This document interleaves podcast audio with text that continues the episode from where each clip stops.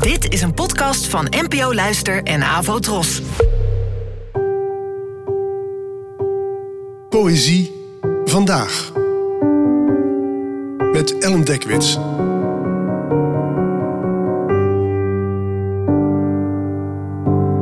Hallo, fijn dat je luistert.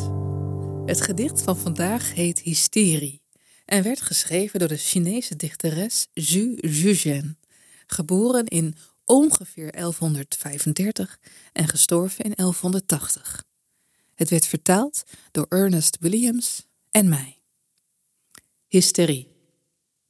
Als ik in de spiegel kijk, maakt mijn gezicht me bang. Ik vrees mezelf. Elke lente word ik overweldigd door zwakte, als door een dodelijke ziekte. Ik ben te moe om te bloemschikken of om mijn gezicht te schminken. Alles zit me dwars. Alle oude zorgen komen terug en verpesten het heden. De balsende zwaluwen vind ik gênant. Hoe ze twee aan twee langs mijn raam vliegen.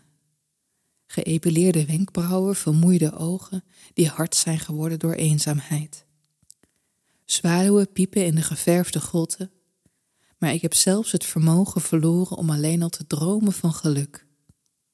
Elke nieuwe lente bevind ik me verder verstrikt en grommend in bitterte. Terwijl de hele wereld steeds mooier wordt, raken mijn darmen verscheurd door zorgen. Persikbloesems trillen in het licht van de nieuwe maan tijdens de eerste nachten van het voorjaar. Enorme wilgen, in hun gouden schemering zwaaien me hun lange schaduwen in de kraakheldere lentewind.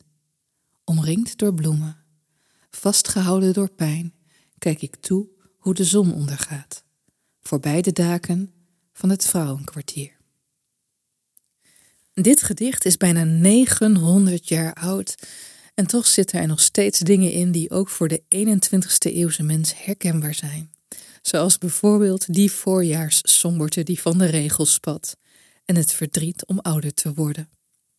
Niet voor niets zegt de vertelster dat ze schrikt van haar gezicht. Met elke lente, met elk jaar dat er dus bijkomt, worden haar ogen harder door eenzaamheid en is er steeds minder hoop op geluk. Gaandeweg komt ook een andere oorzaak van deze lentedepressie naar voren. Het gedicht is geschreven vanuit het vrouwenkwartier, een plek die aan het Chinese hof van de 12e eeuw een broeinest vol gekonkel en competitie was.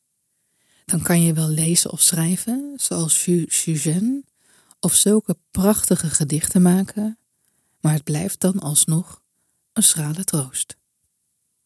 Bedankt voor het luisteren en tot de volgende keer. Abonneer je op deze podcast via de gratis app van NPO Luister. Daar vind je ook een handig overzicht van het complete podcastaanbod van de NPO. Afro Tros, de omroep voor ons.